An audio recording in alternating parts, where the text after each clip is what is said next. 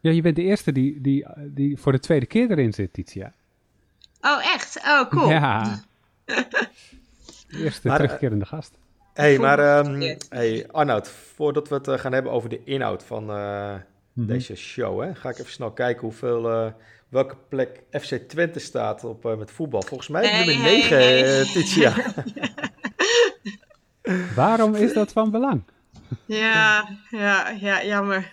Ja, hoe, hoe- is dat iets eh, ja, eh, voetbaltechnisch of heeft het iets te maken met eh, de voeding of met eh, conditie? Kun jij iets over zeggen, Titia? Nummer 9, dat is volgens mij eh Ja, dat is onderste echt plaats, gewoon... linker.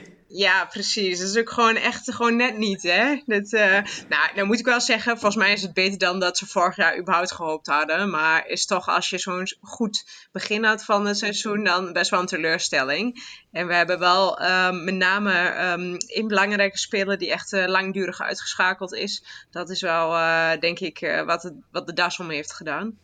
Maar was toch zo jammer, want het zat zo lekker in. Maar wat heb jij te maken met FC Twente? Oh, daar zit ik nu een beetje de voedingsadviezen te voorzien. Ah, oké. oh, dus zonder jou had ze op plek 16 gestaan. Ja, ja, uiteraard. Ja, zo moeten we het bekijken. Laten we dat vooral vasthouden. Hey, Ja, en, is eh, natuurlijk eh, Bart eh, even een lekker dingetje met eh, AZ-fan zijn. En, eh, en ik dan voor FC Twente. Nou, AZ zullen wel niet in de buurt komen, daar niet van. Nou ja, maar eh, misschien eh, schuilt er nog wel eh, een hardlopen atleet in de selectie van eh, FC Twente. ja, ja, ja. dat zou, zou maar zo kunnen. Maar hoe, hoe stem je dat af op, eh, op, eh, op voetballers dan, voeding? Want die hebben, bedoel, eens per week moeten die pieken, denk ik. En dat is het, dat, dat is het wel. Werk je daar naartoe met de voeding? Hoe, hoe doe je dat? Ja, nou, ze hebben natuurlijk ehm, eh, bijna elke dag wel training. Dus, eh, en soms twee keer per dag training. Dus eh, ehm, het is ook niet zo dat ze maar, maar één dag helemaal hoeven te shinen. Want als het goed is, dan halen ze hun meeste winst uit de trainingen. En, en daarmee bouwen, ze- bouwen ze de conditie en de fitheid op voordat ze weer klaar zijn voor de wedstrijden. Eh, maar er zit een heel plan achter. Dat is best wel, eh, wel interessant. Ik werk met allerlei kleurensystemen en dan match ik dat bij de dag. En dan bespreek ik dat met de kok en de trainer van wanneer we wat gaan toepassen. Want ze eten in principe elke dag gewoon ontbijt en eh, de warme lunch op de, op de club. Dus daar kun je best wel veel met voeding eh, Ah. voor winst halen. En luisteren ze een beetje naar je? Eh, wisselend, eh, want je Ah. hebt eh, ehm, eh, hele goede spelers ertussen zitten die, die echt super geïnteresseerd zijn. Je hebt ook goede spelers ertussen zitten, maar die denken van ja, we hebben toch al talent mee, dan hoeft de rest niet. De rest is bijzaak, dus die luisteren weer minder. Ja, dus het, niveauverschil is heel wi- wisselend en ook de interesse. En dat, dat merk je wel een verschil ten opzichte van bijvoorbeeld hardlopers of wielrenners, wat wat meer individuele sport is. Dat, ehm, ja, dat het de noodzaak van voeding eh, niet altijd even, ehm, even duidelijk is. Nee, maar is die, is die, is die noodzaak, want die, je, je noemt net al wielrennen hardlopen, maar ik kan me voorstellen dat als je nou ja, wielrenner bent en je moet 200 kilometer lang echt tot het gaatje gaan, dat is iets anders dan als je 90 minuten in een veld staat en eigenlijk aan het einde van een voetbalwedstrijd heeft een voetballer meestal nog wel wat over, denk ik, Ja. aan, aan energie. Is dat, gaat die voorbereiding dan ook anders of is dat wel exact hetzelfde eigenlijk? Ehm, nou, in ieder geval als je kijkt naar ehm, eh, je lichaam, dan kun je in ieder geval voor ongeveer ehm, drie kwartier tot anderhalf uur echt een voorraad opslaan. Dus bij beide sporters zou dat betekenen dat ze aan het eind van hun rit, zeg maar, eh, wel helemaal leeg zijn. Ehm, dus bij, bij bijvoorbeeld een, een, een wielrennen voor, voor een lange tocht op de fiets, dan draait het ook heel erg om aanvullen onderweg. Kijk, dat zou voor een voetballer minder relevant zijn. Die heeft alleen die 15 minuten in de rust, waarbij die even misschien nog een boost kan krijgen. Maar die zou ook na die 90 minuten wel, eh, wel leeg zijn. Dus beide eh, draait het wel om een goede voorbereiding. Ehm, eh, alleen ja, het aanvullen onderweg, dat zal anders zijn bij, eh, bij duursporten. Ja. Ik hoorde trouwens een keer van een, eh, het was een, een hele oude vent was dat. En die was scheidsrechter geweest eh, in, de, in de jaren zestig, geloof ik. En die zei, weet je wat wij toen deden? Wij namen cognac met suikerklontjes. En dan konden we het precies drie kwartier volhouden. Zoiets, Oh, zoiets zei hij. Is dat heel logisch of is dat echt onzin? Was dat allemaal placebo eigenlijk? Nou, die suikerklontjes zijn wel koolhydraten. En daar zouden ze toch wel uh, goed op kunnen sporten. Maar ik denk dat die cognac vooral een heel erg een mentale boost uh, is. Dus uh, het is wel, wel een leuke anekdote in ieder geval. Maar ik weet wel zeker dat ze dat nu niet meer doen. En dat zal ook nee. zeker een reden hebben. ze hebben gewoon thee in de rust, neem ik aan. En geen cognac meer. ja. Ja, meestal maken ze gebruik van een isotone sportdrank in de rust. Dus dan hebben ze toch nog wat, wat suikers wel. Maar uh, er zit alleen geen uh, cognac door. Ook het een veel te romantisch beeld met thee. Dat was natuurlijk bij die, die bij de junioren. Ja, maar wat, uh, wat, wat, wat, wat bedoel je met de isoto isotone sportdrank? Is dat gewoon de AA of de, dat soort dranken? Of heb je de Isostar? Of heb je hele andere dranken die ze dan nemen in de rust? Um, ja, dat, dat kan een voorbeeld zijn. Bij AA heb je wel verschillende soorten dranken. Dus je hebt de AA High Energy, die oranje, die, die bij de meesten wel bekend is. Dat is geen isotone sportdrank. Dat is echt een hypertone. Dus dat betekent dat er superveel uh, suiker in zit. Is wel handig om snel je suikers aan te vullen, maar daar kun je veel sneller maag-darmklachten van krijgen. Dus meestal wil je het suikeraantal een beetje gelijk houden aan je, aan je eigen uh, bloedsuiker. Dus ergens tussen de 4 en 7. Um, maar AA heeft bijvoorbeeld van die um, met zo'n groen label, een beetje wittig uh, sportdrank is dat. Dat is wel een isotone sportdrank. Of Aquarius is bijvoorbeeld een isotone sportdrank. Nou, Isostar noemde je zelf al. Zo heb je heel mm -hmm. veel wel van die, van die merken. Born, Maxime, uh, Sportvoeding Webshop, dat soort dingen. Die, die allemaal isotone sportdranken heb, hebben. Dus wat, uh, wat smaak, uh, qua smaak of sponsoring het beste is. Bijvoorbeeld bij, bij, bij Twente hebben ze ook een sponsor, dus daar, daar maken ze ook gebruik van, uh, van dat merk. Ja, en eten is eigenlijk ook, uh, ook dan nog wat in dat kwartiertje? Of hoe, hoe gaat het eigenlijk in zo'n kleedkamer? Dan, dan, zitten ze er allemaal en dan drinken ze even wat? Of is het gewoon... ja, wel, ja de meeste... Tactische besprekingen? Of gaan ze gewoon even relaxed even zitten, telefoon erbij, een boekje lezen? Of wat... Ja, precies. Nou, ik mag er ook nooit helemaal bij zijn natuurlijk, maar uh, ik krijg wel eens wat mee. Um, maar uh, vaak is het heel gauw even een, een snelle tactische bespreking, niet al te lang, want ja, wat moet je nog bijsturen in de wedstrijd? Dus vaak is het wat uh, de videoanalist opviel van waar bijvoorbeeld nog gaten op, de, op het veld ontstaan. Um, en dan uh, zitten ze even, soms doen ze een schoon shirtje aan um, en uh, nemen ze een paar slokken sportdrank. Soms nemen ze een sportjelletje, dus dat is echt uh, ja, wel even een, een suikershotje als het ware. en voor de enkeling die het verdragen kan, een stukje banaan of, of sportreep. Maar dat is wel vaak, um, als je echt op heel hoge intensiteit bezig bent, dan is die vaste voeding is toch wel vaak wat lastiger. Dus ja. zoals ik zei, alleen die het echt verdragen kan. Nou, dit was een mooie eerste helft, denk ik. Maar uh, zullen we na een korte rust van de tune doorgaan naar de tweede helft uh, met het echte onderwerp van deze podcast? Oh ja, je maakt hem, je maakt hem. Wat goed, Arna. Top, man. Wat gaaf.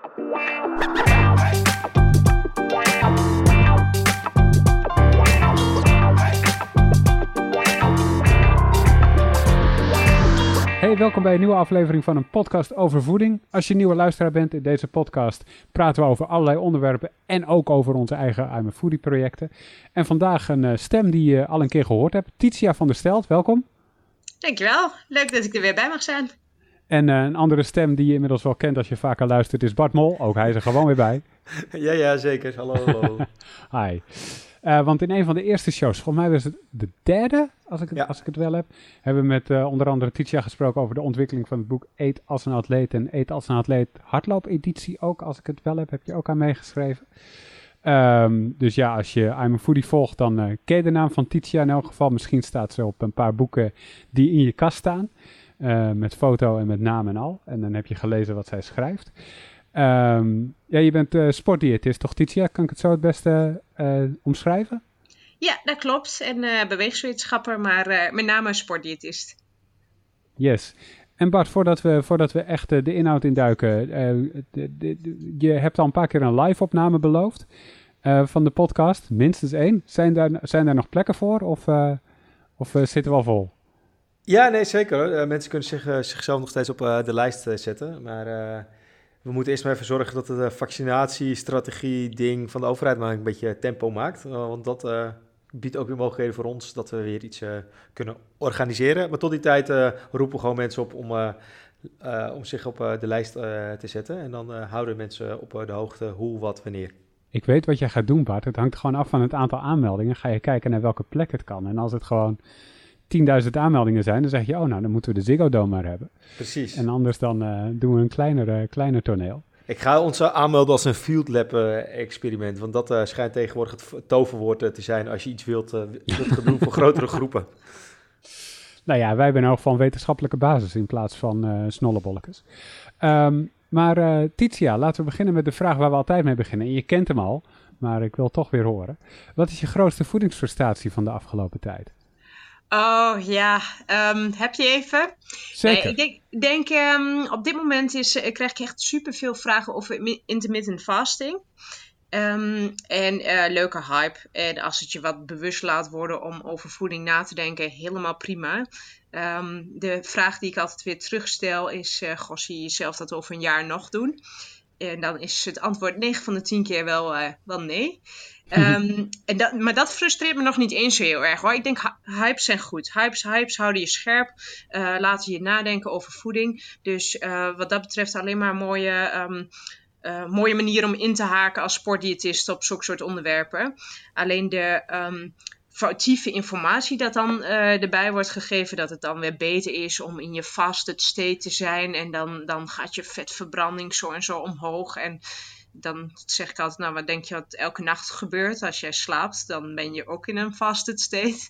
en uh, dan, dan zie je mensen inderdaad vaak ook wel lachen en nadenken van, oh ja, wacht even, ja, dat, waar, waarom zou het wel of niet beter zijn?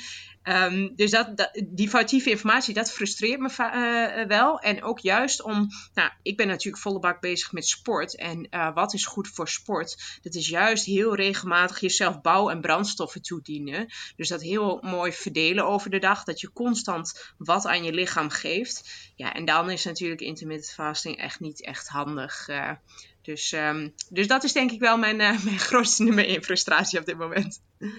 Maar wat is er, wat, intermittent fasting is, ik probeer het kort samen te vatten, maar ik weet het eigenlijk ook niet precies. Wat is het precies, uh, Titia? Ja, je hebt er heel veel strategieën in. Uh, um, sommigen hebben het over een paar dagen helemaal niet eten en dan weer een paar dagen wel. Maar de meest gehoorde die ik heb gehoord is uh, op twee tijdsloten eten. Dat je bijvoorbeeld s ochtends um, alleen tussen uh, 10 en 11 wat eet en dan uh, s'avonds alleen tussen 7 en 8 wat eet. En daardoor ja, krijg je minder calorieën binnen vaak. Ja, maar dat is gewoon als je minder eet, krijg je minder binnen. Dat, dat klinkt heel logisch, maar waarom zou dit specifiek helpen? Dat je op bepaalde tijden niet eet? Ja, kijk, daar, daar komt dus weer die pseudoscience om de hoek kijken. Daar zijn dus allemaal weer theorieën voor. Ik zag zelfs een, een app dat je kon downloaden. Dan kon je jouw tijdslot van de dag kon je berekenen. Want ja, dat is dan ook per individu volgens deze commerciële app uh, uh, uiteraard anders. Um, dus uh, ja, het is maar waar de geld aan verdiend wil worden. Ik denk, ja, volgens mij nu de Ramadan is ook bezig, is ook vasten. Ja, ja. Maar dus het is niet dat vasten heel nieuw is of zo.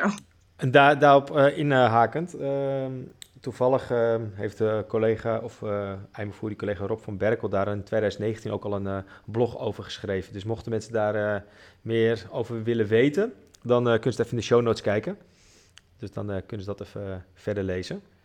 Um, volgens mij, Arnoud, hebben we eigenlijk helemaal niet gezegd waar we deze podcast over gaan hebben, toch? Met, Zeker Titia? niet.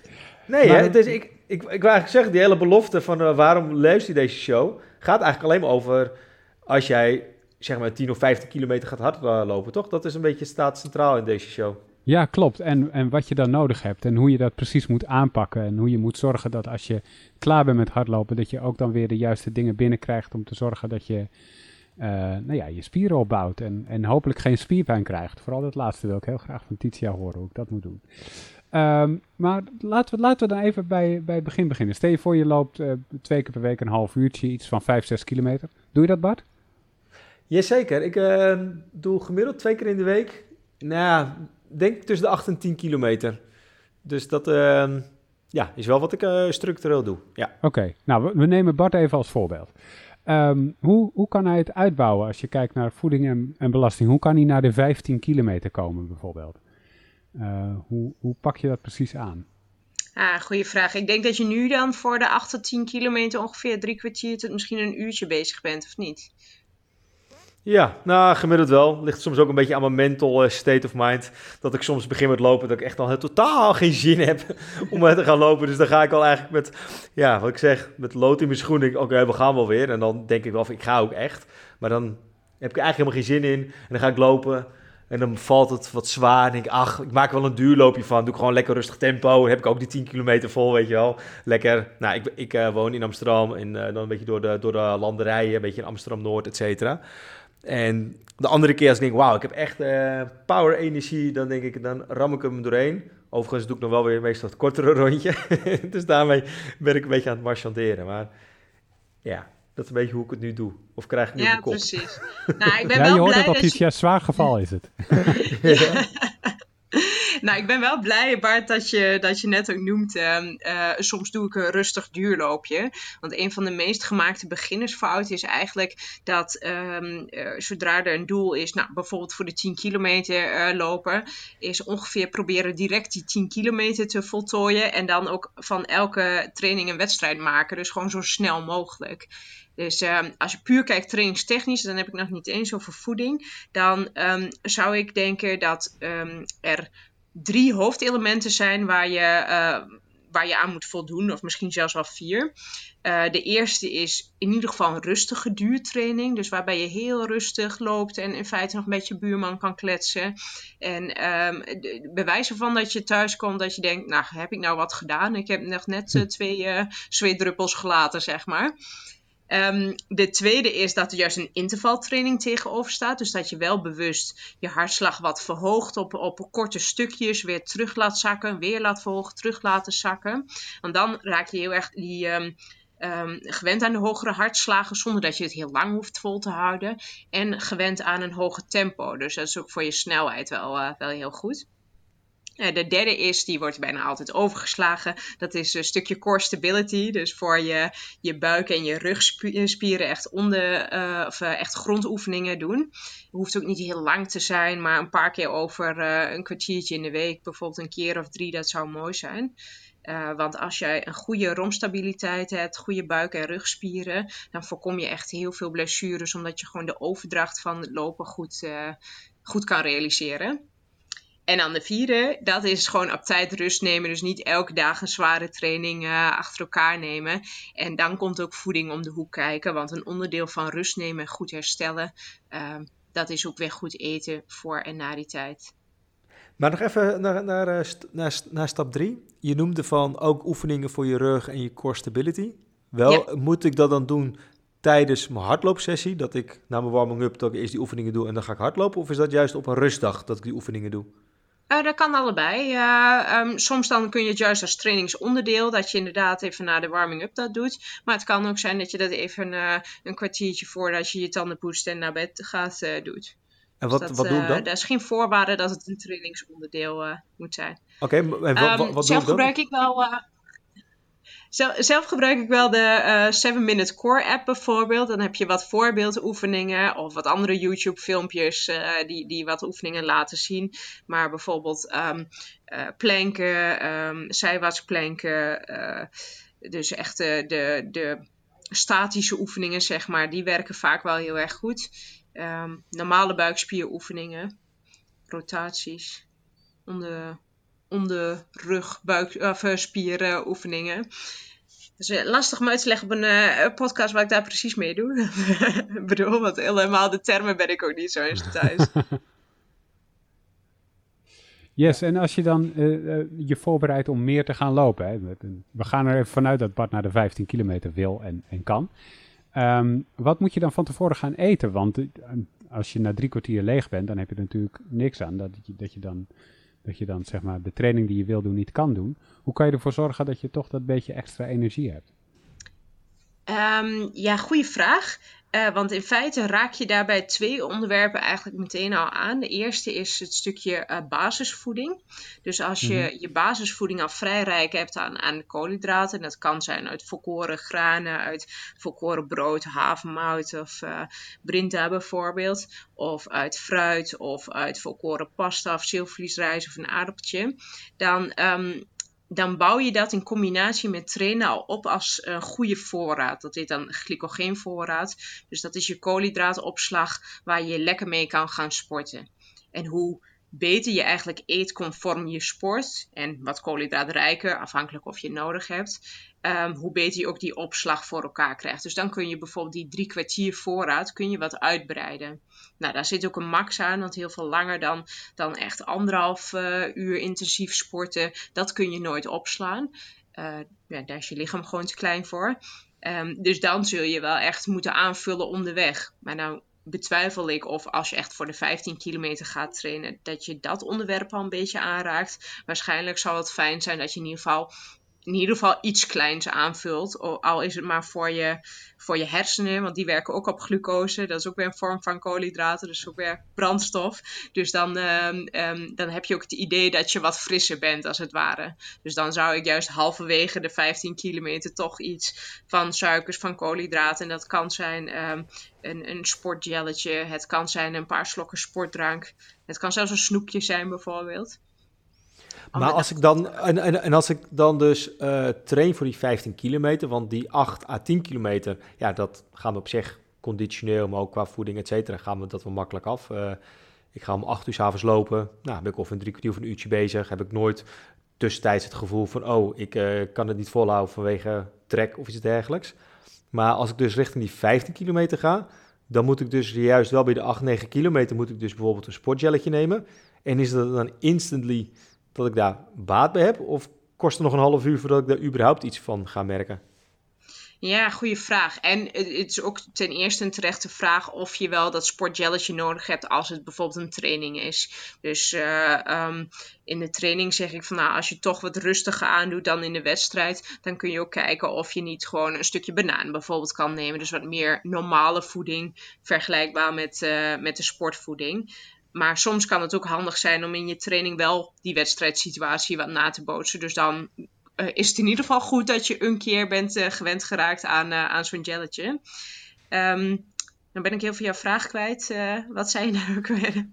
Nou, mijn tweede vraag was eigenlijk... als ik dan op die 8 of 9 kilometer dan een sportgelletje neemt... heeft het dan instantly effect? Of oh, duurt ja. het nog een half uur later voordat ik er echt wat van ga merken... als ik dus aan het trainen ben voor die 15 kilometer?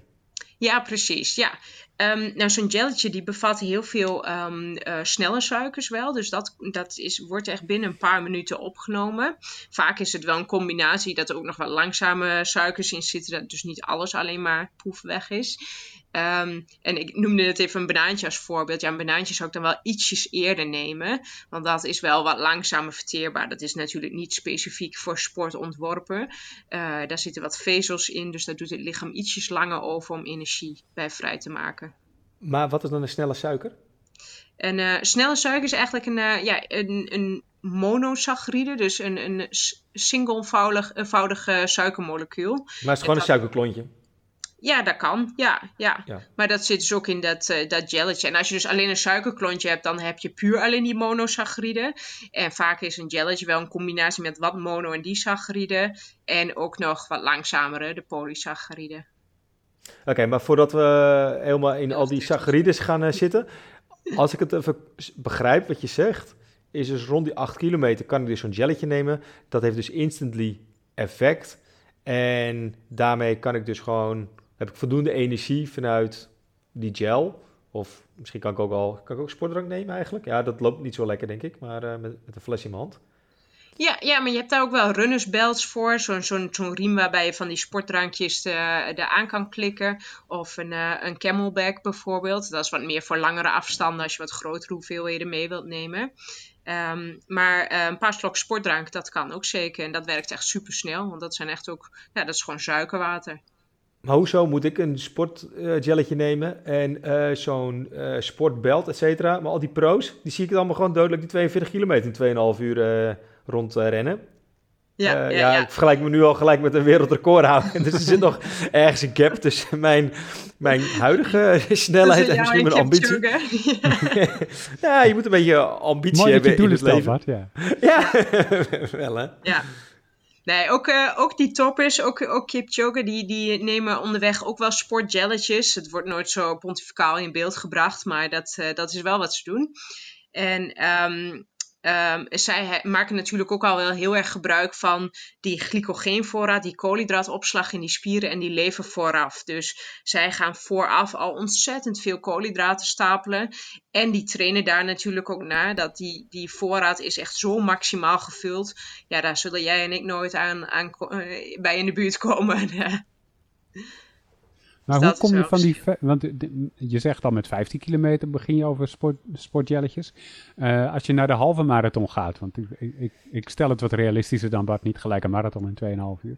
Um, heb, je, heb je dat soort dingen dan nog meer nodig? Of hoe, hoe, hoe, hoe doe je dat? Of moet je dan al echt gaan werken naar een structureel hogere uh, glycogeenvoorraad in je lichaam? Ja, beide eigenlijk. Uh, dus um, voor, een, voor een halve marathon, ja, je bent dan toch wel, uh, het ligt een beetje aan wat voor een tijd je wil lopen, maar laten we zeggen dat we proberen om onder de twee uur te lopen. Nou, dat is, dat is heel schappelijk voor, uh, voor een beetje een getrainde Nederlander. Sommigen lachen hierom, want die denken, ja... anderhalf uur, twee vingers in de neus. Uh, maar goed, um, die zullen misschien al dit soort informatie al lang weten. Uh, maar dan, dan is het dus een combinatie met dat je dus en wat koolhydraatrijke overdag al structureel gaat eten. Om dus jouw glycogeenvoorraad als het ware te trainen en die wat groter te maken. En dat je dus ook een goed plan hebt van hoe je dat gaat aanvullen onderweg. Dus zeker met, met, met standaard wedstrijden bijvoorbeeld. Je wilt dan al weten van nou, waar zijn de wedstrijdposten? Wordt er wat, um, uh, worden er voorzieningen getroffen? Is er daar sportdrank? Zo ja, vind je die sportdrank wel lekker? Of is er alleen water? Moet je zelf wat, uh, wat aanvullen met bijvoorbeeld extra jelletjes? Moet je ook trainen op die jelletjes? Dus dan uh, komt er wel ietsjes meer bij kijken als je het goed wil aanpassen, pakken. En vooral niet um, winst wil laten liggen op voeding. Want ik vind altijd, ja, voeding, daar hoef je geen uh, genie voor te zijn. En je hoeft daar niet heel goed getraind voor te zijn. Je moet gewoon een beetje slim mee omgaan. Dus dat is natuurlijk ook wel leuker, dat je al heel makkelijk daar stappen mee kan maken. Ja, en laten we heel even teruggaan naar, uh, Steve voor Bart loopt geen 8 tot 10 kilometer, maar helemaal nul. Um, hij wil beginnen en hij wil het opbouwen. Moet je dan ook gelijk aan dat soort dingen denken? En moet je ook gelijk gaan denken aan je glycogeenvoorraad als je weet ik wel, wil beginnen met 5, 6 kilometer of zo. Is dat dan al nodig? Of zeg je dan, nou, dan kan je gewoon beginnen en dan kijk maar hoeveel trek je hebt onderweg en zie het maar. Ja, Dit is een, persoonlijke vraag, Arnoud, of niet? Ja, Want ik, wel, ik, zie ja. een, een, ik zie een hardlopen in, uh, in uh, spe in jou. Ja, nee, maar hele terechte vraag. En ik zou ook echt zeggen van alle afstanden, in feite onder de 10 kilometer, misschien zelfs nog wel onder de 15 kilometer, de onder dan. Hè? Um, daar, daar hoeft geen sportvoeding aan te pas te komen. En uh, daarbij is uh, ook niet onderweg aan te vullen. Dus dan zou ik echt wel zeggen van nou, kijk gewoon hoe ver je komt op je normale gezonde basisvoeding. En vergeet niet nadat je getraind hebt gewoon weg goed aan te vullen. Ja, want dat was het volgende inderdaad waar ik heen wilde. Dan ben je klaar, je komt uh, zwetend en, en hijgend thuis. Uh, wat moet je dan doen? Uh, vocht aanvullen is sowieso is een goede, want je bent wat vocht verloren. Je zou ook een keer kunnen uh, meten hoeveel je bent uh, verloren, zeker op een warme dag. Dan kun je bijvoorbeeld eens voor de, voordat je weggaat op de weegschaal staan en nadat je weggaat op de weegschaal staan. of nadat je weer terug bent op de weegschaal staan. zonder kleding, want anders meet je twee keer je kleding waar misschien ook dat zweet in heeft kunnen ja. zitten. Dus dan meet je in feite hetzelfde. Um, en eens kijken wat het verschil daarbij is. En dat verschil is bij voorkeur niet groter dan 2%. Dus stel dat je 70 kilo bent, uh, dat het niet meer dan 1,4 kilo is. En als dat toch meer is, dan moet je echt wel onderweg ook wat vocht gaan aanvullen. Dus dan zou het verstandig zijn om wat water mee te nemen. En na die tijd doe je dat maal ongeveer anderhalf. En, um, en vul je dat weer aan vocht aan binnen nou, de komende drie, vier uren. Dus je hoeft ook niet meteen twee liter achter elkaar weg te plokken. Maar dat kun je, kun je verdelen. Dat is, uh, dat is de eerste. Uh, de tweede, waar we het net natuurlijk al over hadden, is, uh, zijn die, die koolhydraten. Want je, je hebt die koolhydraten verbruikt, dat is je meest directe brandstof. Je hebt ook wel wat vetten verbrand. Alleen die vetten gaan we even voor het gemak vanuit dat je een grote voorraad hebt. Want ook al zou je maar 10% vet hebben, wat best weinig is, en je weegt 70 kilo, dan is dat nog steeds 7 kilo aan puur vet. Daar kun je best wat, wat marathons in theorie oplopen. Ehm, en uh, je hebt een beetje spierschade misschien gemaakt, omdat je heel erg intensief hebt gesport of een beweging gemaakt die je wat langer niet hebt gemaakt of uh, wat meer van jezelf hebt gevergd. Dus je hebt wat, wat kleine um, scheurtjes in je spieren gemaakt. Dat is helemaal normaal, dat is ook gezond, want het lichaam denkt dan, hé, hey, daar, daar moet iets gerepareerd worden, laten we dat even stevigen en beter repareren dan dat het was. Um, en daar heb je dus ook wat bouwstoffen voor nodig, in dit geval de eiwitten. En waar heel veel mensen, ook zeker in de fitnessbranche, wel bekend zijn met: oh ja, eiwitten voor herstel. Is het vaak best wel een overdaad aan eiwitten. En men vergeet dan een beetje de brandstof, ook de koolhydraten. Dus het is echt een combinatie van beide. En als je dat praktisch vertaalt, dat kan bijvoorbeeld een kwarkje zijn met wat, wat muesli en wat fruit bijvoorbeeld. Maar het kan net zo goed je lunch zijn. Stel dat je twee volkoren boterhammen neemt met, met een gekookt eitje bijvoorbeeld uh, erop. Dan heb je ook een combi van wat koolhydraten, eiwitten. Het kan je avondmaaltijd zijn waar je bijvoorbeeld je stukje vlees, vis of vega en, en bijvoorbeeld je aardappeltje, rijst of pasta bij hebt. Dus mijn advies is, los het op binnen je gewone eetpatroon. En let vooral op de timing, dat er in ieder geval iets eiwit- en koolhydraatrijks na jouw sporten geplaatst wordt. Maar Titia, als ik, als ik net 8 of 10 kilometer heb hardgelopen, enorme overwinning voor mezelf. En ik kom dan terug, dan denk ik, ah, er ligt zo'n lekkere reep chocola, die heb ik wel verdiend nu, toch? Ja, nou ja, misschien wel. Misschien mentaal ook wel. maar uh, um, ja, in feite, kijk, als je kijkt naar een chocoladereep, daar zit natuurlijk wat suikers in. Dus technisch gezien een beetje koolhydraten.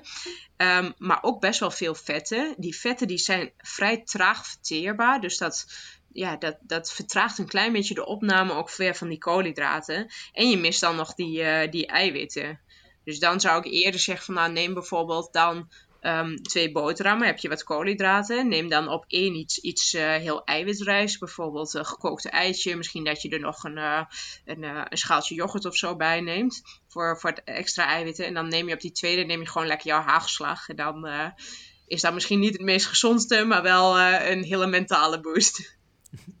Wat neem jij Bart als je net terugkomt van het hardlopen? Nou ja, ik ben met name een avondloper. Dus als de kinderen op bed liggen, om een uurtje of half acht ga ik om acht uur lopen. Nou, is meestal dus tussen de drie kwartier en een uur. En dan neem ik zelf altijd volle kwark of volle yoghurt met drie dadels. Dat vind ik gewoon echt een hele lekkere combi. Dus volgens mij verdoe ik wel een beetje aan wat uh, Titia zegt. ik, het is wel zo dat ik eigenlijk echt wel gewoon naar mijn eigen lichaam luister. Dat ik denk van, nou, heb ik dorst? Nou, dan neem ik eerst nog een glas water. Of, ja, of ik neem iets van uh, het is het, uh, dubbel fris. En dat, dan leng ik dat aan met water, omdat ik het gewoon al heel zoet vind. Maar eerlijk gezegd neem ik nooit meer dan één glas of zo. Omdat ik denk van ja, ik, ik, heb geen, geen gevoel van dorst. Dat ik denk van ja, dus dan neem ik gewoon een glas. En als ik weer dorst heb, dan drink ik weer. Maar als ik jou zo hoor, Titia, moet ik dan misschien toch wel meer gaan drinken dan? Als ik dan misschien toch veel meer vocht verlies dan ik me er bewust van ben? Um, ja, ik denk dat mensen inderdaad vaak meer vocht verliezen uh, dan dat ze bewust van zijn. Omdat je ook al veel via bijvoorbeeld uitademing en niet alleen via zweet uh, bijvoorbeeld vocht verliest. Uh, een beetje via urine en, en warmte dat je afgeeft. Dus um, het zou voor jou wel interessant zijn om eens gewoon die, die weegtest te gaan doen. Eens voor en na die tijd te wegen. Eens kijken waar je dan op uitkomt. Hoeveel je ook daadwerkelijk dan hoeft aan te vullen. Want het kan ook zijn dat je helemaal niet zoveel zweet. Nou, dan is misschien één glas prima. Ja, ja, nee, ik, ik, ik, was aan het denken. Ik heb net die weegschaal de deur uitgegooid. Vanwege ons uh, nieuwe boek uh, Intuïtief Eten. En die zeggen, een weegschaal moet de deur uit. Dus ik ben gelijk, je moet weer een weegschaal kopen. ja, nou dat is misschien voor de zweettest. Een andere indicatie zou bijvoorbeeld kunnen zijn om te kijken naar de kleur van je urine. We hebben natuurlijk ja. in ons, uh, ons boek ook al de eerste versie Eten als, als een alleen, maar ook de hardloop-editie. De mooie infographic van de wc-potjes opgenomen. En daar kun je heel makkelijk zien aan de kleur van um, als het mooi licht gekleurd is, nou, dan ben je goed gehydreerd. Is het echt wat donkerder, dan wordt het tijd om wat te drinken. En helemaal doorzichtig is ook weer niet aan te raden. Dan, uh, dan is dat vrij uh, verdund. Ja, en nog even een uh, aanvullende vraag. Want uh, ik loop samen met een buurman. Nou, daar praten we eigenlijk heel veel.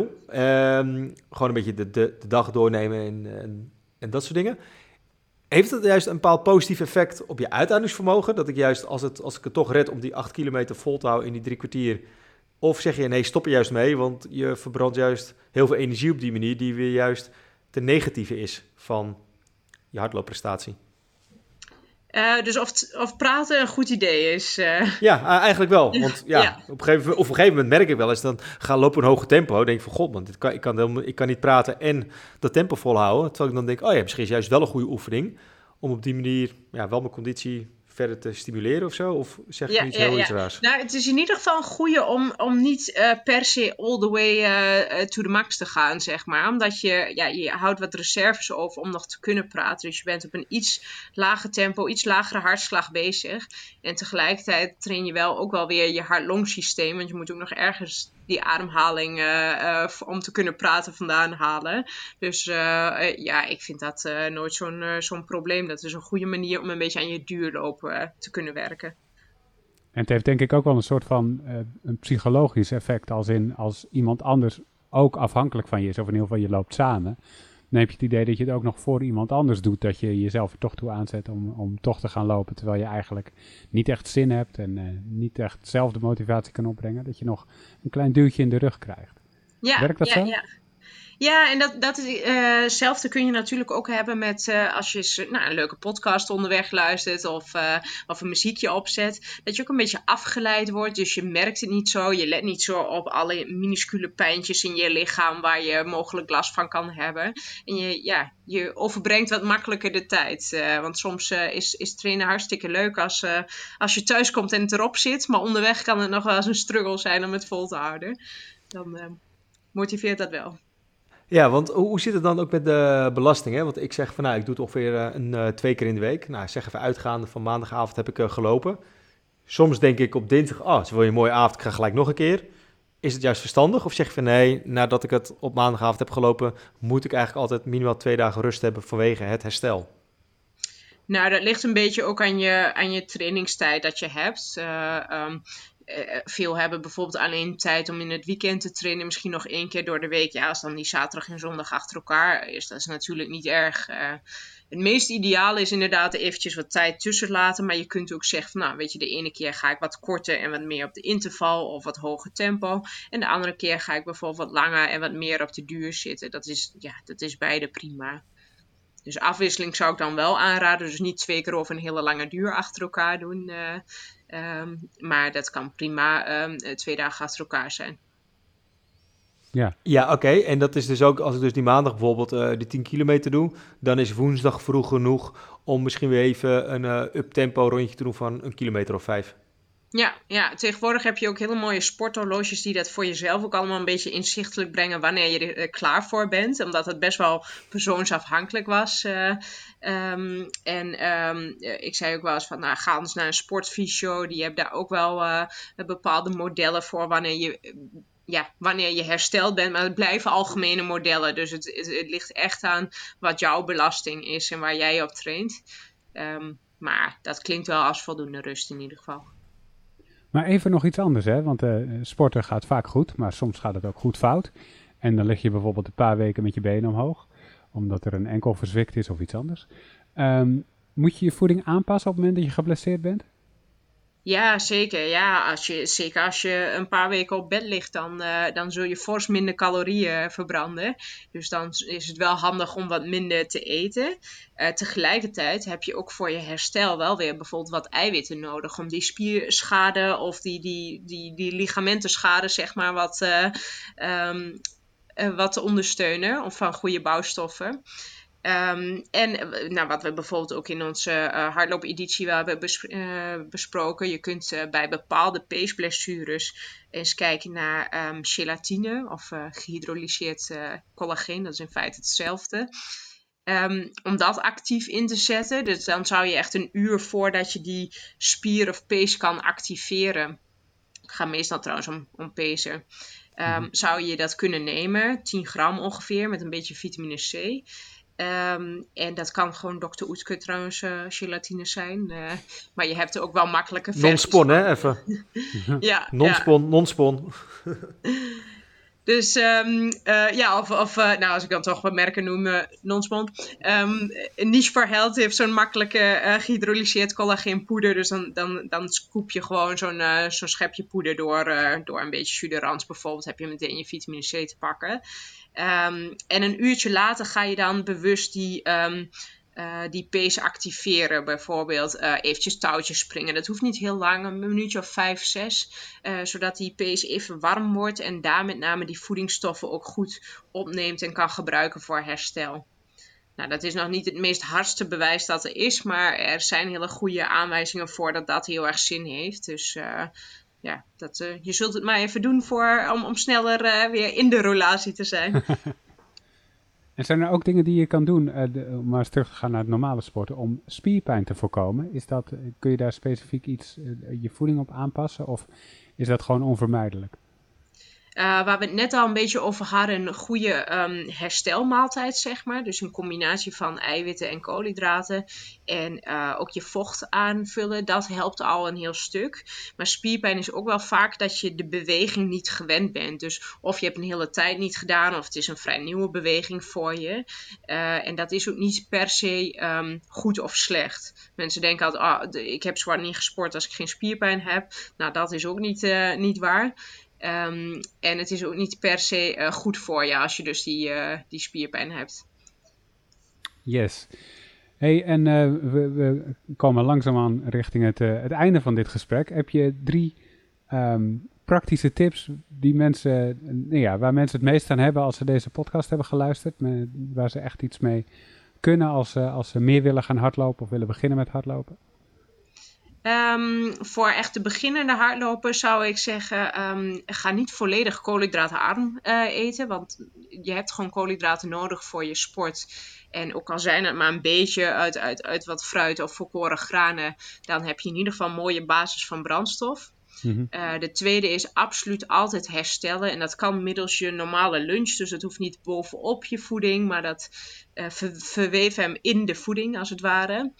En de derde is zeker als je met langere afstanden, dus, uh, dus echt in, uh, richting die 15 kilometer wedstrijdtempo of, uh, of hoger richting de halve marathon gaat, um, bespaar niet om aan te vullen onderweg en ga er alsjeblieft al mee trainen. De meest gemaakte eh, fout is dat mensen op de wedstrijddag zelf denken: Oh, misschien was dat wel een goed idee. En dan gaan testen en maag-darmklachten bijvoorbeeld kunnen krijgen. Dus dat zou ik echt niet aanraden. Want je kunt gewoon zoveel winst halen uit je voeding op, op, op die momenten. Dus uh, uh, ga daarmee trainen. En uh, wees niet bang voor de calorieën onderweg. Want dat denken mensen ook wel eens: ja, zonder al de extra suikers. Ja, dat klopt. Het zijn suikers, maar het is je brandstof. Je hebt nodig. Dus daar word je alleen maar beter van. Niet te bang voor zijn. Ja. ja. hey, en als laatste vraag. Wie, wie zouden we moeten vragen als, uh, als volgende gast in deze podcast? Ah, en let op, je zegt van Bart ja. schrijft echt mee en hij mailt ze ook. Hè. Ja, ja, zeker, zeker. Dus het is een hele belangrijke hoor, uh, Tietje. Nou, ik heb daar dus na aanleiding van onze vorige uh, podcast ook eventjes over nagedacht. En toen dacht ik van, oh, waar ik echt wel een beetje fan van ben, is bijvoorbeeld uh, Teun van de Keuken van Keurig niet van Waarde. Zag ik dus dat de vorige podcast ook van, de, ja. van iemand van de Keurig niet van Waarde was. Dus toen dacht ik, oh, oké, okay, wacht even, dat is misschien al geweest.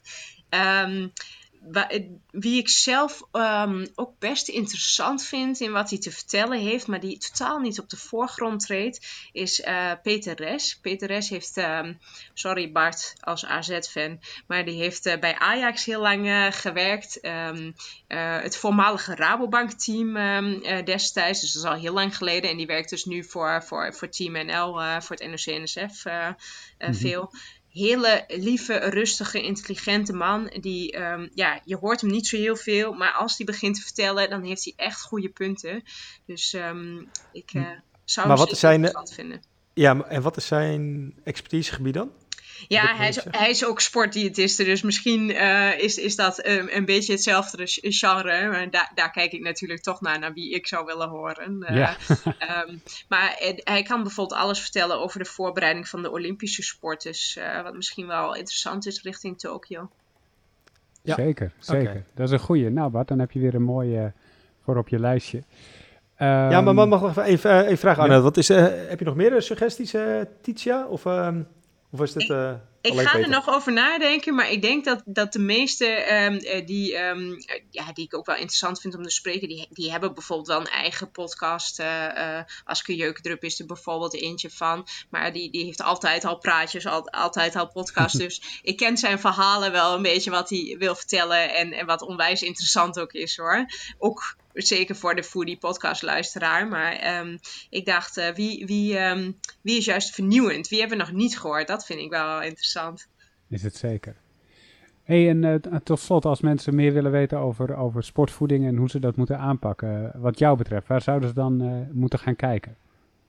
Um, ik denk dat het goed is om uh, even op de site te kijken van um, uh, de Sportdiëtetiekvereniging, de VSN. Volgens mij is dat uit mijn hoofd sportdiëtetiek.nl. Dan kun je de sportdiëtistes bij jou in de buurt gaan zoeken. Want um, uh, misschien een leuk verhaal trouwens voor ooit een volgende podcast. Maar mijn allereerste ervaring uh, bij een diëtist die, eh, waar ik naartoe ging toen ik 16 was, uh, dacht ik dat hij mij handvaten kon geven voor sport. Nou, uiteindelijk kreeg, kreeg ik het advies mee van dan nou, drink een glas melk extra en dat was het. Hmm. Um, dus dat was een beetje een teleurstelling. Maar er is echt een groot verschil tussen normale diëtisten en sportdiëtisten. en dat wil niet zeggen dat normale diëtisten niet sportgeoriënteerd kunnen zijn en daar ook hele gunstige adviezen over kunnen geven. Maar uh, uh, 9 van de 10 keer zit een sportdiëtist daar toch echt wel heel veel meer in en kun je zoveel meer aanvullende tips nog krijgen. Dus dat zou ik wel aan de luisteraar mee willen uh, geven. Van kijk even goed, ook op de site, doet die persoon er überhaupt nog iets mee? Straalt dat sport uit? Dan zou ik dat zeker aanraden. En sowieso tegenwoordig kun je ook veel meer online adviezen. Hè? Dus je kunt, het hoeft niet in de buurt te zitten. Dat is misschien ook wel prettig.